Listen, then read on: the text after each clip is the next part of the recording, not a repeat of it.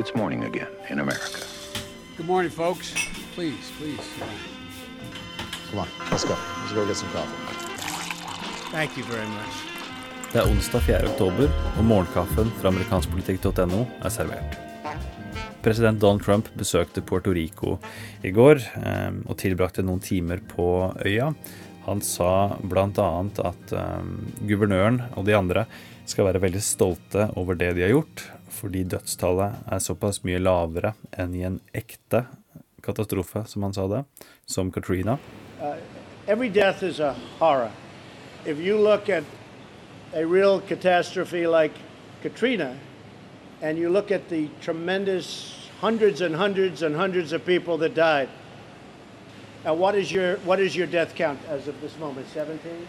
16 certified. 16 people certified. 16 people versus in the thousands. Uh.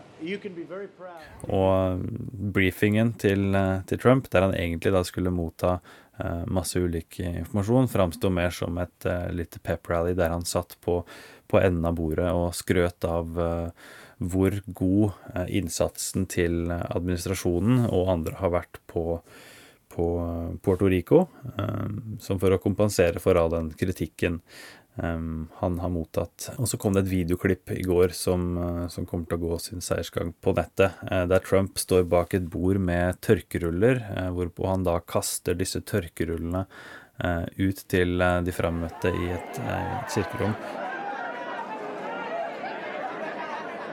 Under en høring i Senatet i går så sa forsvarsminister James Mattis at han mener at Iran-avtalen er i USAs nasjonale interesse, eh, en uttalelse som strider med president Trumps uttalte syn. Eh, og I valgkampen så omtalte jo Trump bl.a. denne Iran-talen for en av de dummeste avtalene han noensinne hadde sett, en ordlyd han gjentok i sin tale for FN.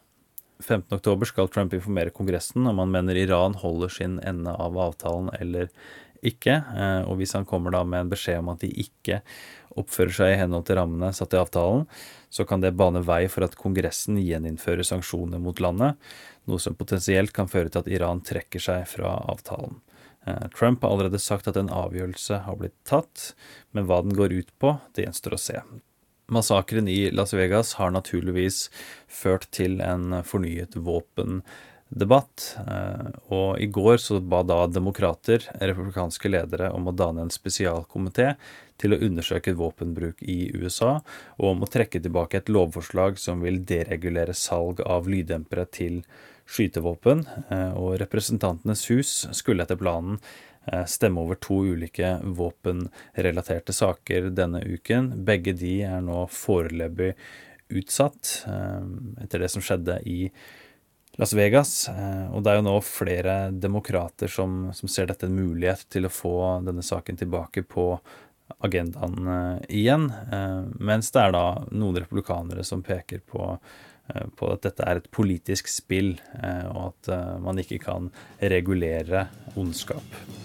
Dagens utgave av Morgenkaffen er servert av Per Åsmund Reimert og undertegnede Are Togflaten. Hyggelig om du tipser andre som kan være interessert i den podkasten her, og så snakkes vi i morgen.